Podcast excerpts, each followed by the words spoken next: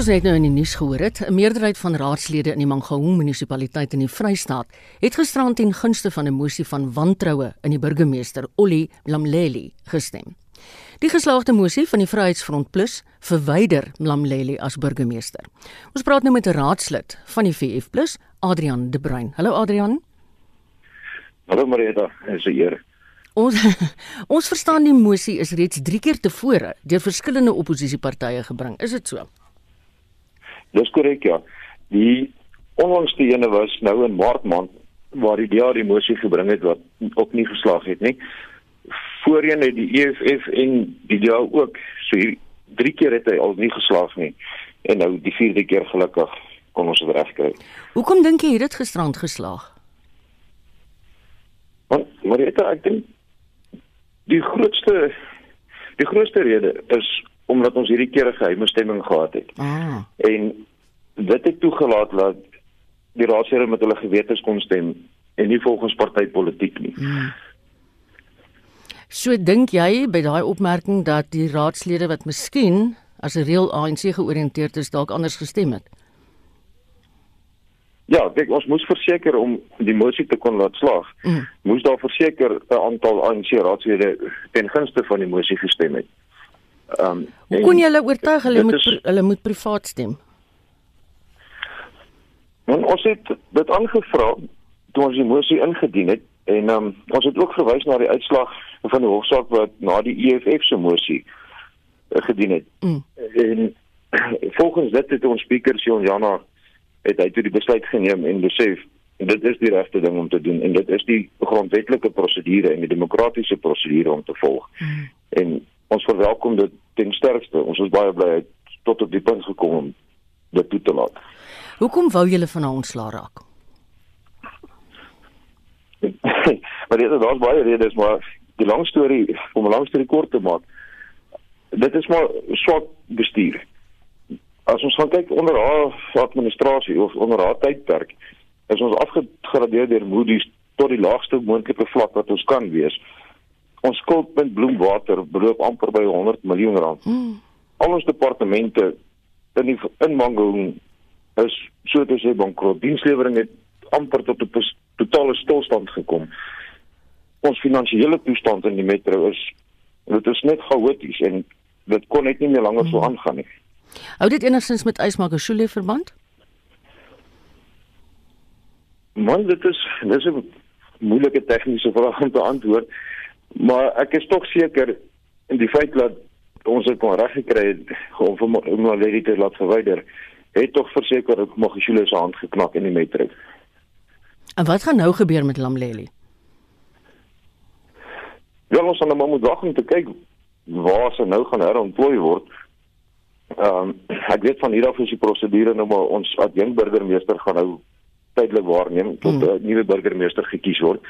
Maar wat met in Landledi self gaan gebeur, daar sal die tyd nou maar moet leer dat ons nou maar sien waar waar hulle haar nou gaan indruk. En wanneer dink jy gaan julle stem vir 'n nuwe burgemeester? Dit is ook nog nie duidelik nie. Um, omdat dit nou so naby is op die volgende munisipale verkiesing, dink ek dis 'n taamlike moeilike besluit vir die ANC om te neem nou. Um, ek glo die moontlikheid is daar dat dat ons adjunkt burgemeester nou gaan waarneem tot en met die munisipale verkiesing.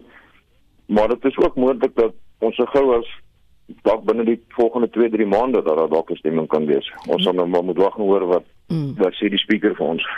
Wie is julle adjunkt burgemeester? Hallo, ekskuus. Hallo. Hallo, ek kan jou hoor. Ai, het ek net 'n bietjie opgebreek. O, ekskuus. Het jy my vraag gehoor? Ja, maar ekskuus, al breek dit nou weer bietjie op. Ja, ons hoor. Wie is julle Ja, ek hoor jou. Wie is tans julle adjunkt burgemeester? Hallo. Goed, lyk my nie ons gaan hom verder gebruik nie. Dit was die Vryheidsfront Plus raadslid in die Mangaung Metro, Adrian De Bruin. Ja, en ek is uh, interessant hierdie verwikkelinge wat daar aangaan in Mangaung. Ja, soos die tegnologie ontwikkel nou, so word ons probleme groter frik. Goed, ons skuif aan. Zimbabweërs wat in Suid-Afrika bly, sê dit voel of hulle op dieselfde manier deur polisie in Suid-Afrika vervolg word as wat hulle landsgenote in Zimbabwe moet verduur. Dit kom nadat die polisie gister skokgranate moes gebruik om 'n klein groepie betogers voor die Zimbabwese ambassade uitmekaar te jag. Die groep het betoog teen die onlangse beweerde menseregte vergrype teen mense wat teen die Zimbabwese regering se korrupsie opstaan. Verskeie mense is in hegtenis geneem, waaronder joernaliste en bekroonde skrywers. En video's doen die ronde op sosiale media waar die polisie en die weermag in Zimbabwe mense aanrand. Lila Magnus het meer. Die groep wat onder meer bestaan het uit ondersteuners van die Not in My Name beweging, Zimbabwean Lives Matter en die Zimbabwean African People's Union het aanvanklik vreedsaam voor die Zimbabwese ambassade betoog. 'n Zimbabwese man wat sy naam as Jabulani gegee het, maar nie sy van bekend wou maak nie uit vrees vir vervolging, sê hy het die laaste keer vir menseregte betoog tydens apartheid. You would think that after 40 years, Zimbabweans, as educated as they are, they would be way far much better than South Africa in terms of their human development and their quality of life. But here we are, working as gardeners, security guards, and, and car guards with our university degrees. And it's quite something that we, we don't know why, what could close the eyes and the minds of our leaders to a point where they don't see this as an, a serious issue. Die polisie op die toneel het gesê die betogers het nie die nodige toestemming nie, maar veral die Zimbabweërs wat betoog het, het daarop aangedring om voor die ambassade hul saak te stel. We want to address this issue here, right now. The embassies, we are going to address this issue here and right now, leadership. We, as the people of Zimbabwe, want to address it here and right now. If they want to kill us, they can kill us. You are given an opportunity. You are given an opportunity to speak. We also want to speak. they want to kill us, they must kill us. You are given an opportunity to speak. We also want to speak. Die sekretaris-generaal van die Not in My Name beweging, Temba Masango, het daarop aangedring dat hy toestemming vir die protesaksie by die stad van Tshwane gekry het. Die polisie het egter voet by stuk gehou en die mense uiteengejaag met skokgranate. 'n Vrou wat van Zimbabwe kom maar anoniem wou bly, sê hulle voel asof hulle in Suid-Afrika vervolg word, net soos in Zimbabwe. The same prosecution that we face at home is the same thing that is happening here. If you can see that people in Zim, they don't have the freedom. Every time when they go to the streets to express their views, police, soldiers, they kind, it's something that we're expressing, we're, we're experiencing here. We haven't said anything because we had speakers that were supposed to speak and represent all sectors, and the very same police that are suppressing others at home are suppressing us. So nothing has been said, nothing has been done. Our voice is still suppressed. Our rights are still being not recognized. Die jeugleier van die Zimbabwean African People's Union, Lloyd Ndweni, sê Suid-Afrika het te lank stil gebly oor die menseregte vergrepe in Zimbabwe. Wait, whilst they had to comment about George Floyd who lives oceans away, Yeah. why are they quiet about our own people that are being murdered Yeah. every day and killed in Zimbabwe? The AU and SADC needs to become a proper organization and not be a gentleman's club. They have to tell the truth as it is. No sweeping the issues under the ground. We want that government dissolved. We want a transitional authority running Zimbabwe until elections are run, proper elections. President Cyril Ramaphosa het die week die voormalige minister Sidney Mufamadi en die voormalige spreker in die parlement, Baleka Mbete, aangestel as 'n spesiale envoy na Zimbabwe om te bepaal hoe Suid-Afrika die land kan help om sy huidige probleme te oorkom. Die Zimbabwese ambassade het nie op versoeke vir kommentaar reageer nie. Ek is Lila Magnus in Pretoria. President Cyril Ramaphosa lewer môre op Vrouedag 'n toespraak onder die tema Geslagsgelykheid en die realisering van vroueregte vir 'n gelyke toekoms. Ramaphosa sê die land moet fokus op die beëindiging van geslagsdiskriminasie en die beskerming van vroue in Suid-Afrika. Een vrou wat hoogtes in haar loopbaan bereik het, is professor Debra Meyer, 'n biochemikus en die dekaan van die fakulteit wetenskap aan die Universiteit van Johannesburg. Ons gesels nou met haar. Goeiemôre en welkom Debra. Baie dankie, goeiemiddag. Vrouedag is 'n dag wat amptelik en nasionaal in Suid-Afrika gevier word. Dis ook deel van die hele vroue maand van Augustus. Maar dink jy dit dien hoegenaamd 'n doel? Weet jy, ja, ek dink dit help ons om 'n spesifieke tyd in die jaar te hê waar ons kan besin oor of ons enigsins vordering maak met vroueregte. En ongelukkig moet ek jou sê, ek dink nie in Suid-Afrika is ons vordering vreeslik groot nie, maar ten minste het ons die een dag wat ons almal kan herinner waaraan ons werk. Jy weet as ek nou terugdink in hierdie grendeltyd van hoeveel geslagsgeweld daar was, dink jy vroue geniet enigsins 'n gelykwaardige status? Jy dit hang af ongelukkig van waar die vrou haar bevind. Ehm um, mm. en met wie sy assosieer, wie haar familie is. Vrouens wat in die, die soort posisies is waar ek is, ons kan eintlik 'n verbetering sien. Regtig? Maar ek ja, maar ek koppel dit aan 'n hele klomp goed wat reg gegaan het in my lewe. Ek het 'n familie wat omgee. Ek was in 'n familie waar daar nie geslagsgeweld was nie. Ehm um, so ek het vroegtydig al geleer dat daar goed is wat 'n vrou op moet aandring. Mm, jy weet, mm. maar in die omgewing waar ek gebly het, in die samelewing waar ek gebly het, ek het vriendinne gehad wat in situasies was waar hulle self geslagsgeweld er, uh, ervaar het of hulle ouers het dit gedoen. Die pa het die ma geslaan. So ek was in in in, in Eldorado Park was dit 'n algemene ding. En wat ek opgelet het is die meerderheid seuns en jong mans het dit aanvaar as dis dis oké. Okay. Mm. My pa slaan sê slaan my ma, so ek kan maar my vrou slaan. Maar aan my huis was dit iets anders en ek kon aandring daarop en en uh, as gevolg van die agtergrond leer dat ek gaan dit nie toelaat nie. Hoe 'n man met my praat, ek sal hom ek sal verseker hy praat um, op 'n regte manier asof ek sy gelyk is. En as hy dit nie doen nie, haal ek myself uit daai situasie uit weet en dan ook in my loopbaan. Net omdat ek universiteit toe gaan beteken nie al die mans wat op universiteit was, sal vrouens beter behandel nie. Die vrouens moet elke keer aandring om beter behandel te word. En selfs in my huidige posisie, daar's elke nou en dan situasies wat jy 'n bietjie 'n man op sy plek moet sit. Daar's mans wat byvoorbeeld nog glad nie aanvaar dat daar 'n vrou is wat die dekaan is nie. Jy weet hulle gaan kansse vat maar hulle gaan dit baie versigtig doen want ek is nou ook ongelukkig in 'n posisie dat ek een van die vroue is wat beskou word as iemand wat terugbeklei. Jy weet nie so hmm. hulle gaan sommer sê ek is aggressief. So jy moet maar ja. versigtig ja. wees hoe jy vir Debra um, hanteer. um, dis dis reg as amper nou asof hulle vir mekaar sê kyk sy gaan baie meer as soos 'n man reageer as soos 'n vrou. Was dit 'n aangeleerde gedrag aan jou kant of kom dit spontaan? Nee, vir my kom dit spontaan. Ek, dink um, ek het al vroegtydig besef dat As jy in 'n situasie is wat totaal en al nuut is, né, waar daar 'n hele klomp vreemdelinge bymekaar kom, gaan die neiging wees vir die mans om sommer onmiddellik oor te vat asof hulle in beheer is, want die hele samelewing sê vir hulle dis aanvaarbaar. En ongelukkig sal die meerderheid vrouens in daai situasie ook maar toelaat dat die man oorvat. Ehm um, baie min van die vrouens gaan sê maar eintlik weet jy wat, ek weet beter, so ek kan eintlik hierdie situasie bestuur.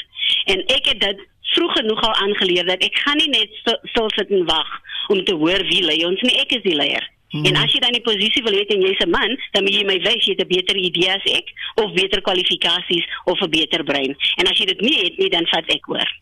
en ek moet vir jou sê dit word ongelukkig nie uh, maklik net aanvaar nie. Ehm um, jy gaan kritiek kry van vrouens af en jy gaan kritiek kry van mans af. Maar wat ek voel bietjie verander het, is baie meer vrouens begin dit nou waardeer. En dit is nogal taamlike aantal. Ek sal nie sê die meerderheid nie, maar dit is taamlike aantal mans wat kan sê, weet jy wat, haar idee was die beste en so ek kan daarmee saamleef. Ja, dit is wonderlik, nee. nie die meerderheid nie. Ja, ja maar ongelukkig is dit nie die mm, meerderheid nie. Mm, mm. Kyk, ons weet almal jy's as wetenskaplike onsaglik suksesvol in jou loopbaan, maar as ek reg is, ek sê jy het ook jou voet in die sakewêreld. Ja, ja, ja, ja, en ek is vreeslik trots daarop want dit was nie hierdie weer die wetenskap was vir my maak sin dat ek sukses daar behaal want dit is die loopbaan wat ek gekies het. Die sakewêreld het ek agterna eers besef, weet jy wat, ek staan 'n kans hierso om suksesvol te wees, maar ek moet meer ekstra werk doen aan die kant, ek moet meer oplees en so voort, maar dit dit dra vrugte. So ek is baie baie trots op die sukses wat ek behaal het as 'n uh, uh, direkteur, nie uitvoerende direkteur in veral een van ons grootste maatskappye in Suid-Afrika, maar ook dan kry ek um, dat mense van ander uh, omgewings buite die media, ander besighede vir my advies vra. Dis fantasties. En wat baie en dan weet jy wat baie lekker is daarvan is dit veral oor vrouens. Wat kan jy doen om vrouens in die besigheidswêreld 'n geleentheid te gee? Ek kan nou ongelukkig nie van die name noem nie want ek weet nie of dit aanvaarbaar is om te doen nie. Maar van Suid-Afrika se grootste maatskappye kry ons wat my kontak en sê, "Wat dink jy kan ons vir vrouens doen?" En nie net op Vrouedag nie. Jy weet watter soort geleenthede kan ons skep vir vrouens?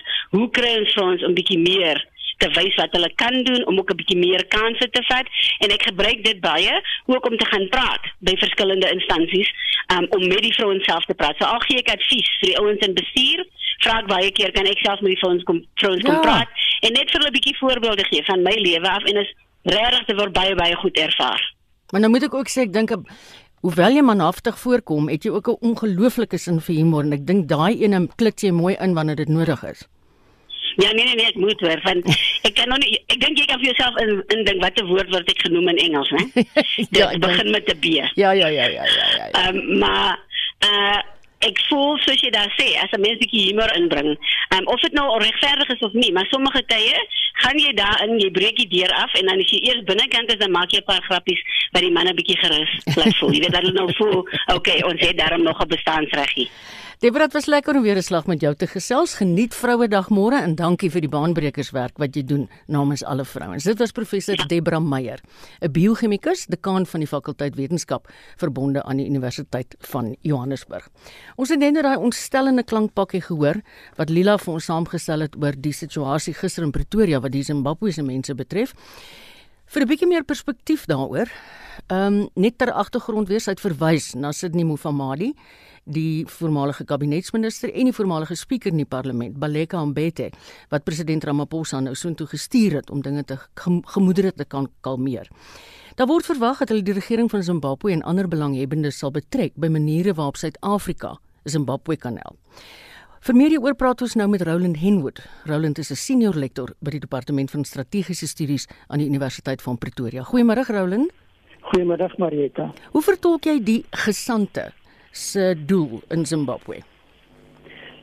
Ek dink mens kan op twee maniere daarna kyk. In die eerste plek het um, president Ramaphosa bepaalde verantwoordelikheid vir wat onder andere in Zimbabwe gebeur vanuit sy posisies binne die Suider-Afrikaanse Ontwikkelingsgemeenskap en ook sy posisie as voorsitter van die Afrika Unie.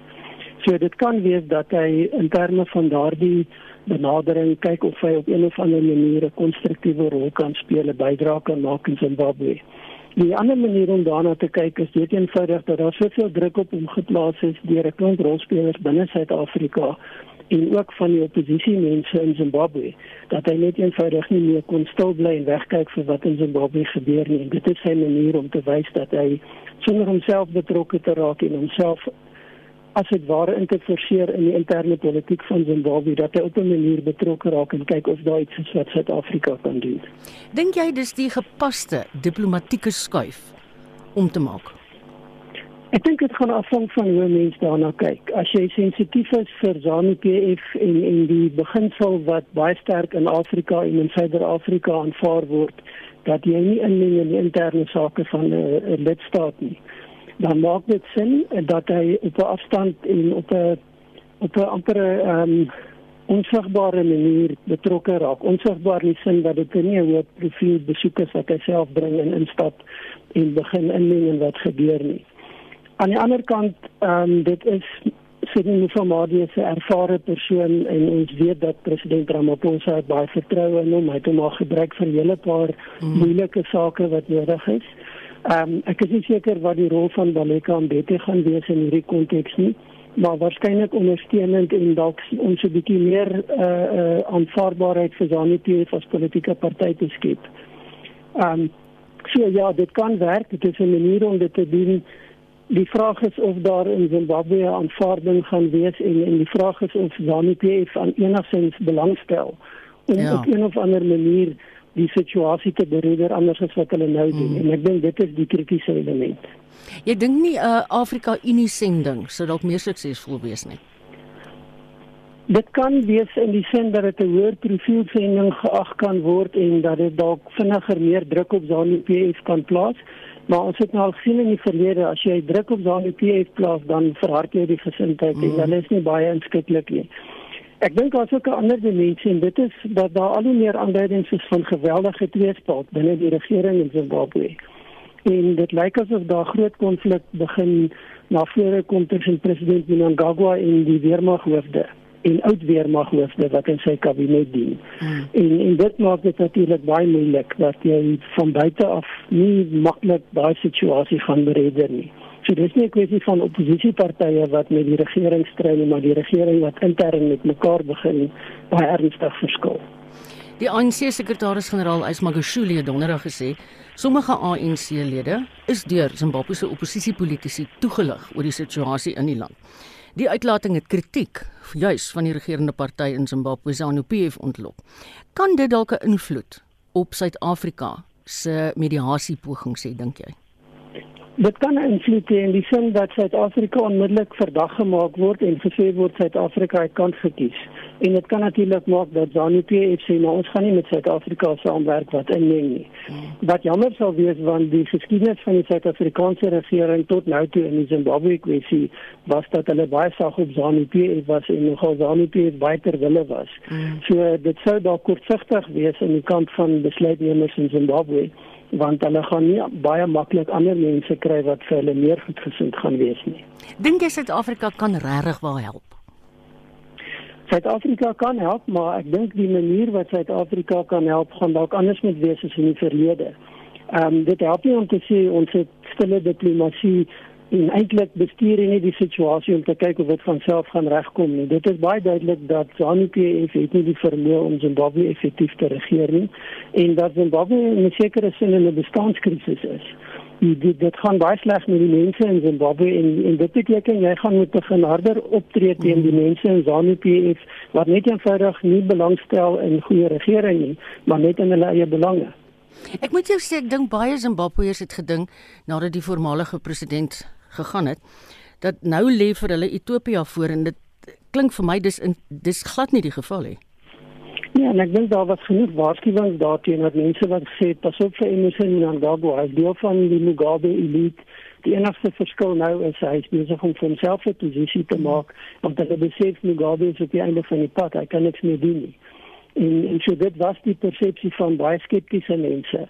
Die tweede probleem is natuurlik dat jy 'n effektiewe militêre staatsgreep gehad het alhoewel dit nie deur die militêr mm. in die regering gedoen is nie en en jy sit nou met die gevolge daarvan ook.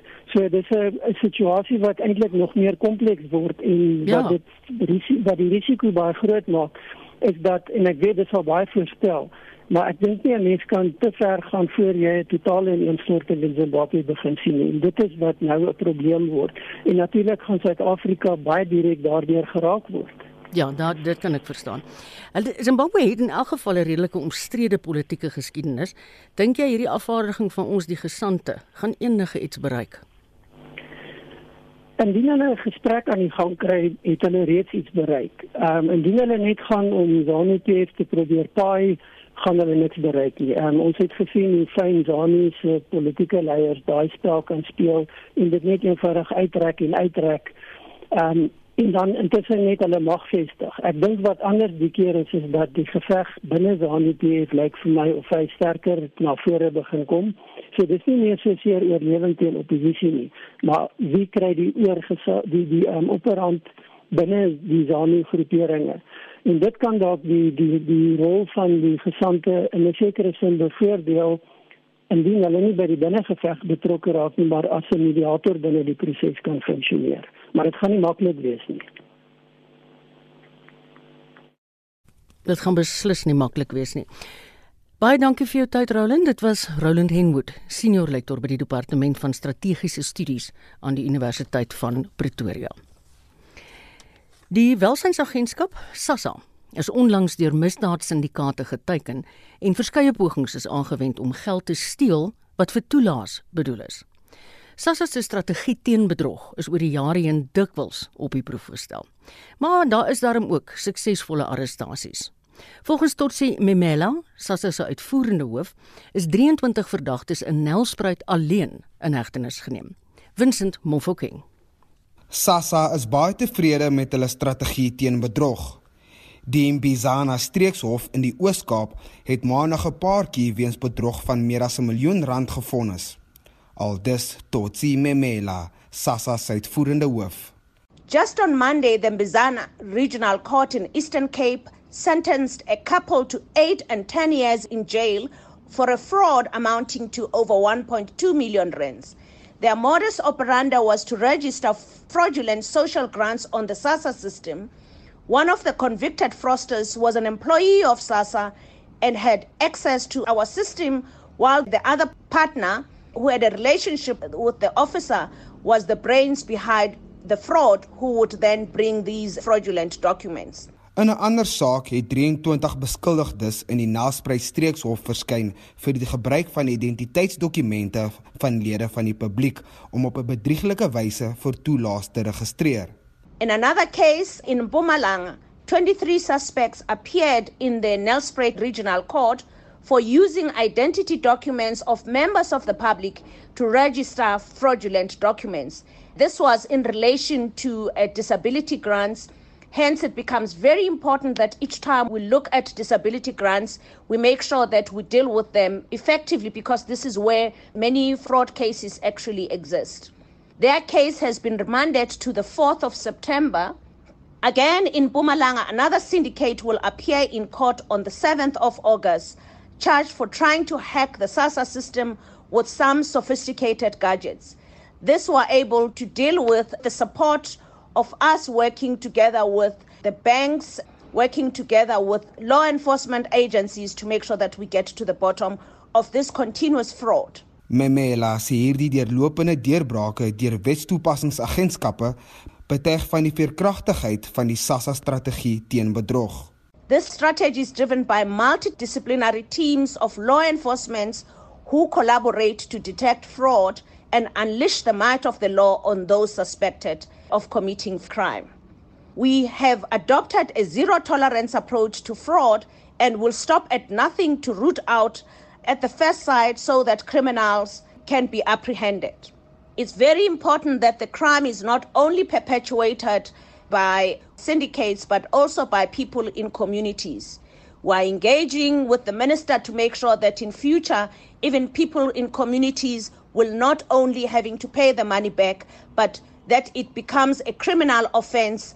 Sy sê verder, hulle ondersoek 'n modus operandi waar buitelandse burgers ook op 'n bedrieglike wyse toegang tot SASSA toelaas kry. Defrauding of SASSA is tantamount to robbing the poor of the rights that they have in terms of accessing grants. We also are beginning to investigate a situation where people from the border areas are crossing the border into South Africa, in many instances enabled by the very communities in South Africa for them to be given addresses and have access to ID documents and are able to apply for grants. This is another situation that we're beginning to investigate to make sure that there's no leakage and that we manage the resources of government effectively. Dit was SASSA se uitvoerende hoof, Totsi Memela. Ek is Vincent Mofokeng vir SAK nuus. Lede van die publiek met inligting oor ongeruimthede kan dit gerus by die volgende nommer aanmeld. Ek gaan dit aan die einde van die program weer noem as jy nie nou skryf goed het nie. Die ongeruimtheid telefoonnommer van SASSA is 0800 43 43 73.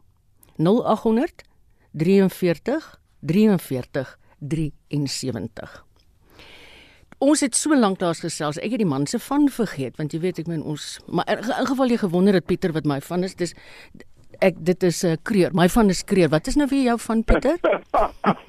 As ek reg onthou is dit van berg. Hoe gaan dit met jou? Nee, baie goed, dankie Marita. Hoe sê hulle die die inperkingstyd is so ek hopelik so oor 'n maand of twee heeltemal verby. Maar nee, ons het maar uh, ingehang en die dinge gedoen, jong. ja, ek moet jou sê ons mis ons sport hè. Gelukkig is golf een van die eerste sportsoorte wat net weer aan die gang gekom het na die inperking. En die eerste major van die jaar, die PGA kampioenskap, is een van die toernooie juis wat jy nou hierdie naweek dophou. Wat is die jongste nuus? Ja, die PGA Kampioenskap word aan in San Francisco op Harding Park gespeel sonder toeskouers natuurlik. Nou na die eerste ronde was Jason Day en Brendan Todd gesamentlik die voorlopers op 500 syfer. Die tweede ronde is laas nag Suid-Afrikaanse tyd afgehandel en die afsnypunt of die kwalifikasie dan vir die laaste twee rondes was op plus 1 of andersins gestel op 1 nou oor syfer geweest. Nou op die voorlopersbord is dit Haltung Lee want die voorloper is op 800 syfer. Hy is twee oor voor uh ses spelers wat op 600 is. Hulle sluit in Jason Jason Day, Tommy Fleetwood en ook die verdedigende kampioen Brooks Koepka. Nou die voorste Suid-Afrikaner is Dylan Fratelli, hy's daar op 300 syfer en terloops Tiger Woods, hy's gelyk aan syfer. Nog drie Suid-Afrikaners het vir die laaste twee rondes gekwalifiseer. Dit sluit in uh, Louis Oosthuizen, ook Charles Swartsel en natuurlik ook ek sien die naam van Erik van Rooyen daar. En dan in Europa is dit die Engelse kampioenskap wat daar in uh, Engeland gespeel word. Nou na die tweede ronde is dit Andy Sullivan wat 1-0 voor is. Hy's op 1400, baie goed geplaas. Suid-Afrika se Dean Burmester, hy's op 1300 saam met Laurie Kenter. Ek sien Brandon Stone is uh, op 1100 in die vierde plek. Justin Harding, hy's op 1000 en Wilco Nina word ook goed geplaas op 900 syfer. En dan Marita in die LPGA reeks vir vroue waar die Marathon Classic in Ohio gespeel. Daar is dit New Zealand se Lydia Ko wat die voorloper is op 1300 syfer. Jody Edward Shadoff van Engeland is daar tweede op 1200 wat die drie Suid-Afrikaners aan betref. Paula Retto, sy is in die gesamentlike 12de plek op 500. Ashley Bohai is gelyk aan syfer en Lee Ann Pace, sy is op 1 oor syfer. Danksy Willem wat in die middag tydens spitstyd almal op hoogte hou van die cricket wat aan die gang is in die eerste toets tussen Engeland en Pakistan, weet ek selfs. Vandag is al die 4de dag, is ek reg? ja, jy's doodreg. Ja, onthou Engeland het natuurlik uh, nog uh, vroeg in die week nog in daardie eendag reeks in Ierland gespeel, maar die eerste toets uh, tussen Engeland en Pakistan, dit het Woensdag begin. Dit is op Old Trafford in Manchester. Dis dag 3 wat gister dan afgehandel is. Engeland se ietwat in die moeilikheid daar Pakistan. Het in die eerste beurt 326 lopies aangeteken. Hulle het toe vir Engeland uitgehaal vir 219. Dis 'n agterstand van 107 lopies vir Engeland op die eerste beurt. Nou met uitskeidtyd gisterand was Pakistan op 137 vir die verlies van 8 paaltjies en uh, dit gee vir hulle algehele voorsprong van 244 ja. lopies het net twee paaltjies staande, maar ja, ek dink jy's doodreg om daardie uitdrukking te gee want die voorsprong uh, wat wat hulle tans het dan dis nou Pakistan beteken dat Engeland reeds die tweede hoogste lopie jagtog in die geskiedenis op die veld sal moet aanteken om te wen. So ek dink so Engeland so 'n bietjie met die rigting nie meer daar. Ja, ja. Op die rugbyveld is twee wedstryde in Australië en Nieu-Seeland reeds die naweek voltooi en as een op die oomblik aan die gang, né? Nee. Ja, ons praat sommer oor iemand aan die gang is. Dit reën lekker daar in Sydney, die Waratahs teen die Reds nou. Daar lyk dit my die manne hou die horlosie dop want dit teen rustig was die Waratahs 38-0 voor gewees en hulle toe al Reds 5-3 gedruk en vroeg hier in die tweede helfte het hulle nog 'n 3 aangeteken en eh, so rukkie gelede oh, na 50 minute was die telling hier in omgewing van 45-5. Ehm um, so dit is 'n weghol oorwinning daar vir die Waratahs lyk dit met teen die Reds, maar dis nat omstandighede. Dan gister in Australië se eie Super Rugby reeks was dit die Brumbies wat hulle eerste pak slaag gekry het van die seisoen. 'n Baie uh, ek groot verrassing wil ek sê, dis die Melbourne Rebels wat ook in nat omstandighede die Brumbies met 30-12 uh die uh, loof afgesteek het daar en dan sien ons die Rebels was daar rustig reeds met 27-7 voor. En uiteindelik het hulle 4-3 teenoor 2 gedruk. En dan moet ons ook net loer na die Nieu-Seelandse wedstryd daar in die Autoria kompetisie wat vanoggend afgehandel is. En daar is dit die Hurricanes wat 5-3 teenoor die twee van die Chiefs druk. En uh, Marietta die Hurricanes het dan daar geseëvier met 31-18 môreoggend die laaste wedstryd van die naweek. Die Crusaders hulle speel om 25 minute voor 6 Suid-Afrikaanse tyd teen die Highlanders. Ek het gister gehoor jy na Nita te monitor. So lekker gepraat oor die dubbeldoor. Genade wat ons op die renbaan hierdie naweek het. Geen net weer daai inligting. Ja, nee, dis die, die natuurlik die uh, punt waarna ons verwys het is dit afval met 'n en MotoGP aksie is. Hmm. Nou die oefenronde vir beide die uh, wedrenne het gister plaasgevind en uh, die kwalifikasie word natuurlik vandag gedoen. Nou in die oefensessies vir die Tsjechiese Republiek se MotoGP daar in Brno het Suid-Afrikaanse Brad Binder in die eerste oefensessie gister die 16de vinnigste tyd behaal en die tweede oefensessie was die twee Yamahas van Fabio Quartararo en uh, Franco Mortabelli was hulle die vinnigste Brad Binder Turner was toe 11de vinnigste en vanoggend in die derde oefensessie was dit weer Montebelli wat die vinnigste was en Johan Zarco tweede vinnigste. Brad Binder, hy het vanoggend die 15de beste tyd opgestel. Nou die GP begin môre, dit is daar die hoofwedren uh, om 2 uur môre middag en natuurlik uh, Mark Marquez wat op die punte leer die voorloper is, hy sal weer nie kan jag nie want hy sy tweede armoperasie hierdie week ondergaan. Hmm. En dan in Formule 1 is dit die eerste oefensessie vir die 70ste herdenkings Grand Prix op Silverstone wat gister gehou was en dit is Valtteri Bottas wat daar die vinnigste was in die Mercedes is. Lewis Hamilton sy spanmaat tweede en Max Verstappen derde. En ek sien in die middagsessie ook kan jy glo die kook het gestyg tot 36 grade mm -hmm. en as Hamilton natuurlik van as daar was ja, wat was daar tweede? Daniel Ricciardo was derde in sy rennou en dan uh, Max Verstappen vierde. Nou die derde oefensessie is tans aan die gang en uh, daardie wedren net vir die mense wat belangstel, môre middag om 10 minute oor 3 sal die Formule 1 dan Wesburg daar op Silverstone. Op die sokkerveld was van die groot kanonne in Europa gisterand in aksie en die eerste wedstryde hier by ons, daarom na inperking, word dit ook hierdie naweek gespeel. Ja, kan jy glo ons het natuurlik hierdie week ook die nuus gekry dat rugby binnekort hervat gaan word, maar in die Haifa se Kampioenliga was daar gister twee wedstryde gespeel in die ronde van 16. Juventus het vir Lyon af, uh, geklop daar met 2-1 en Manchester City 'n goeie oorwinning oor Real Madrid, ook twee doele teenoor 1. Vandag is daar nog twee wedstryde in hierdie Haifa se Kampioenliga. Bayern München speel teen Chelsea en dit is vanaand om 9:00 en Barcelona kom te staan ook om 9:00 vanaand teen Napoli. En dan in die uh, op die plaaslike front soos jy genoem het, twee wedstryde. Dis in die Nedbank Uitdagbeker is 'n kompetisie en dis die twee halfeind wedstryde wat gespeel word. Beide word op die Orlando Stadion gespeel. Baroka speel vanmiddag om 2:00 teen Bloemfontein Celtic en dan vanaand om uh, kwart oor 7 is dit Mamelodi Sundowns teen Wits en ek sal maandagooggend Marietta in monitor net so na 7:30 verslag doen oor die uitslae en natuurlik ook die week se bepalinge wat voorlê. Pieter, dit was baie lekker om weer vir 'n slag op 'n Saterdag met jou te praat. Dit was ons sportmedewerker Pieter van der Berg. In ons weeklikse motorrubriek toets Wessel Pretorius 'n Mitsubishi en 'n Honda.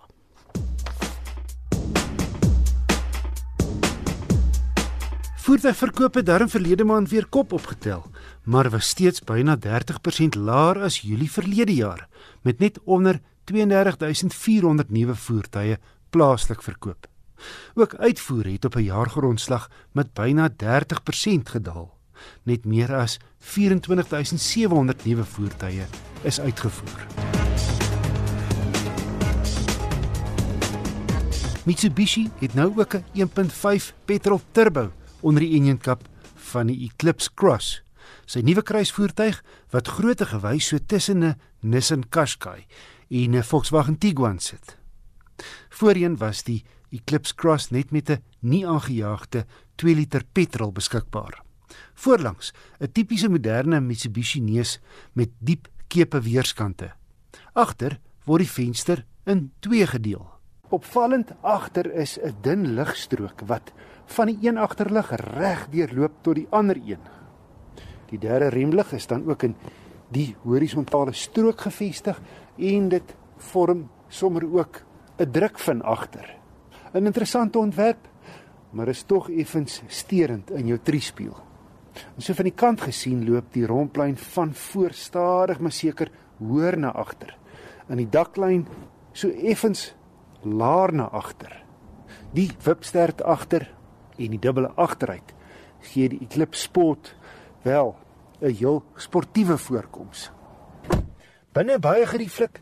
Jy sit lekker hoog in heerlike leersitplekke waarvan die bestuurdersin elektries verstelbaar is. Lekker in die winter is dat die voorste sitplekke ook verhit. Jy het 'n laer en 'n hoër stelling. Beenspasie en hoofruimte is rondom goed, ook vir die agterste passasiers. Heelwat spasie binne, maar omdat hierdie kruisvoertuig relatief kort is in verhouding tot sy breedte, is hier min pakplek in die bagasiebak. Kyk, hier's wel 'n volgrootte alloy spaarwiel heel onderin. Maar dit beteken dat die bodem van die kattebak hoog is en die uh, spasie beslis minder as die klas gemiddeld. Die turbo model kom net met voorwielaandrywing in die luxe GLS afwerking met 'n palwisselende outomatiese ratkas. Ander kenmerke sluit in klimaatbeheer met ook ventilasie agter, togbeheer, parkeersensors agter met 'n trikamera, maar ook sensors voor. Outomatiese reënveers en hoofligte, sleutellose oopsluit en aanskakeling, sewe ligsakke, LED ligte met dagryligte en stabiliteits- en traksiebeheer. Die 1.5 turbo stoot dieselfde hoeveelheid kilowatt uit as die 2 liter, 110, maar 'n volle 52 Nm meer wringkrag. 250 vanaf lae toere wat hom heelwat kragtiger laat voel, veral hier op die hoofveld. Kar het 0 na 109 sekondes afgelê, byna 3 sekondes vinniger as die 2 liter. 'n Goeie dosis krag is al moeiteloos beskikbaar met die regtervoet net halfpad geplant, terwyl die CVT radkas die toere tipies onder 3000 hou. Ek het 8,2 liter per 100 km met gemengde ryomstandighede gemeet. Om op te som teen 460 000 rand bied Mitsubishi se Eclipse Cross 1.5 Turbo GLS omvattende toerusting met 'n lieflike kragbron. Hy het nie die pakspasie van 'n Mazda CX-5 Hyundai Tucson of Toyota RAV nie, maar is teen die prys heelwat luukser en kragtiger. So, indien 'n groot laairuim nie 'n prioriteit is nie, maak die wa baie sin as 'n gesofistikeerde en gerieflike kruisvoertuig opsie onder die half miljoen kerf.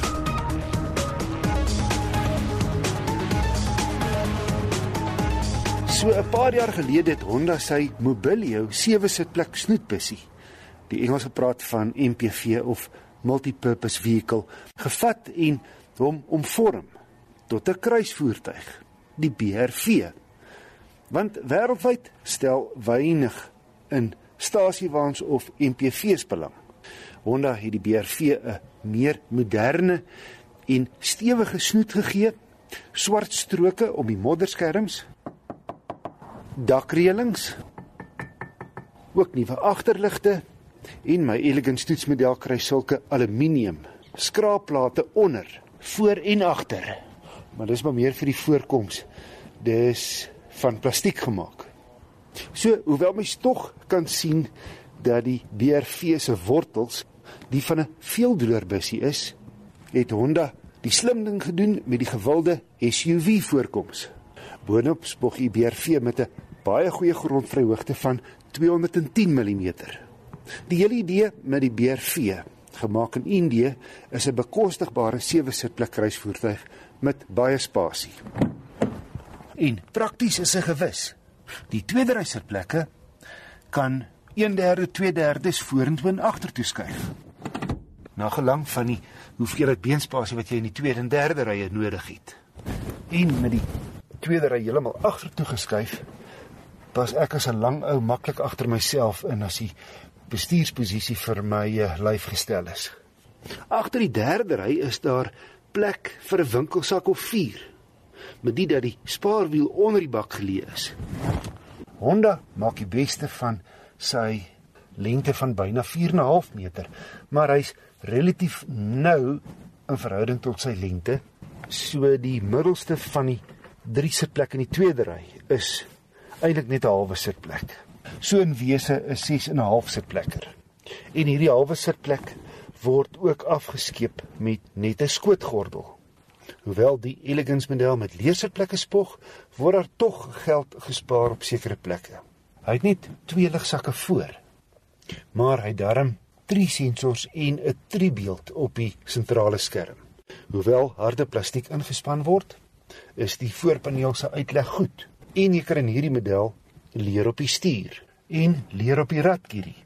Verder steetlose oop en toesluit, aan en afskakel met die druk van 'n knop, ook liggate vir die agterste passasiers en 'n stuk of 11 koppiehouers. Hier's ook 'n 12 volt kragpunt en die hoofligte kan op en afstel. Die elektries verstelbare syspieëls kan ook toevou en die bestuurder se elektriese venster is van daai een aanraak tipe.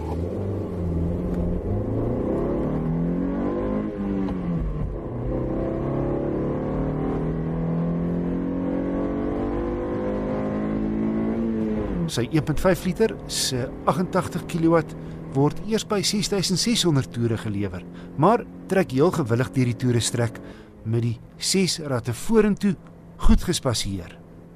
Kar het 0 na 100 in 10,9 sekondes afgelê, vinniger as 'n mededingers. Ek het 'n goeie 7,2 liter per 100 km op my gekombineerde roete gemeet. Hierdie top handrat elegance model teen R333300 is maklik en baie prakties om mee saam te leef. Indien jy bereid is om leerafwerking prys te gee, maak die Comfort teen 309000 baie sin as 'n bekostigbare sewe sitplekker. Na my mening die beste ware vir geld in die reeks. Sou jy bereid wees om nog 'n paar kenmerke soos 'n looi wiele prys te gee, is daar die Trent teen 274400 rand steeds met die 1.56 spoedhandrat. Twee outomatiese modelle is ook beskikbaar.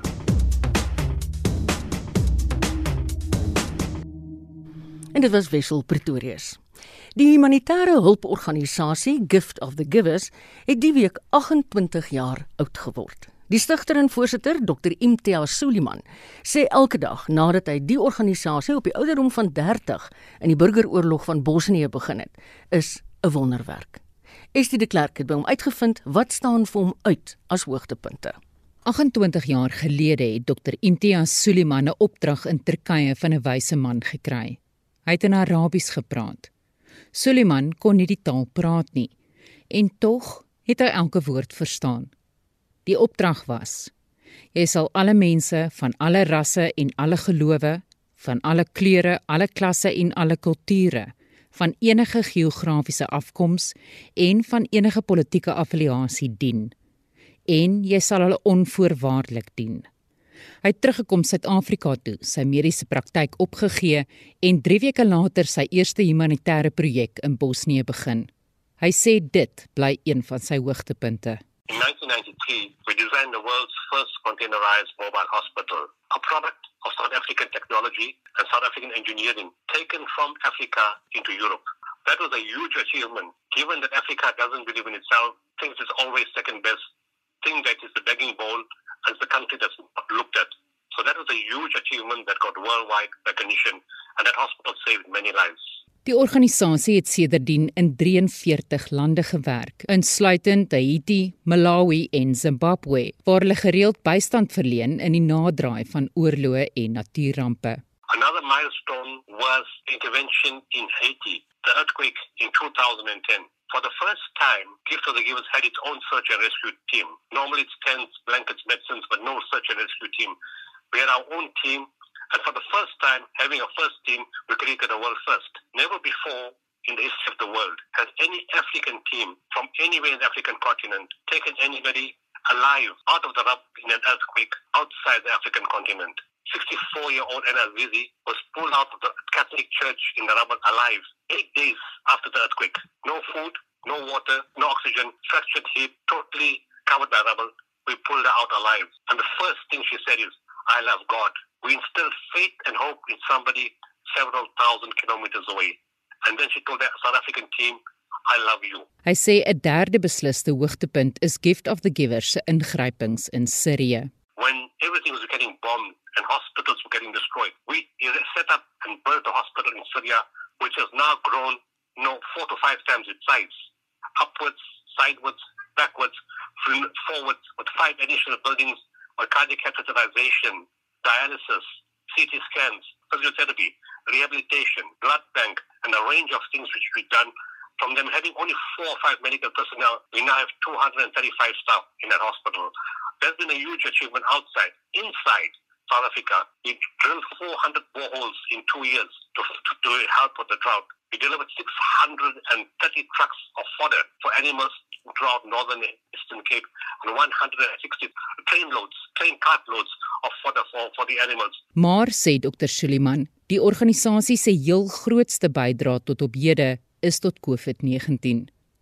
Hulle het water oor die land heen beskikbaar gestel, 37 toetsingstente opgerig by hospitale en beskermende toerusting en handskoene vir gesondheidswerkers aangekoop. Hulle het reeds meer as 20000 COVID-19 toetse gedoen. Hulle het ook meer as 70000 kospakkies versprei sedert die begin van die krisis en ondersteun 150 sopkombuise. The big requirement now when the virus is so intense is oxygen. So pulse oximeters, which detect oxygen levels, and oxygen machines is the most important thing now. We've already started distributing, well, we distributed hundreds of pulse oximeters throughout the country. And we, last week, we put our first 28 oxygen machines in different hospitals. And as part of that, we opened up a wing of, of, of the Mitchell's Plain Hospital that was lying disused for some time. We spent 10 million rand on the renovation. We did it in 30 days. And it's now a dedicated oxygen facility which can, after COVID-19, be used for whatever the hospital wants to use it for. Vir hom persoonlik, sê Dr. Suliman, lê die grootste beloning van Gift of the Givers om deel te wees van 'n familie, sy eie en die familie wat hy opgebou het deur middel van hierdie organisasie. I mean personal family, my teams, the media, government people, the public, the donors, it has become one big family. You get the sense that everybody in this country feels they're part of Gift of the Givers and they're all part of your family. That's the first huge feeling, the great feeling that I have, that everybody has embraced us as a, as a South African and an African organization that's capable of competing with any of the best in the first world countries. The second great thing is that it has enhanced the spirit of Ubuntu among our teams who make huge sacrifices, who put their lives on the risk, and are fully supported by the public who see what we do. And through that support of the teams and the public, we can reach so many people in need and bring smiles to faces of so many people. We instill hope. And that's the most important thing. Without hope, there is no survival. But with hope, any, the impossible becomes possible. And Gift of the Givers is there to do that. And that's because of the support of the volunteers, our teams, the public and the country as a whole. Gift of the Givers is sy lewensdoel en sy lewensaar, sê Dr. Suliman. Hy is dankbaar vir elke dag. Ek is Estie de Klerk vir SAK nuus.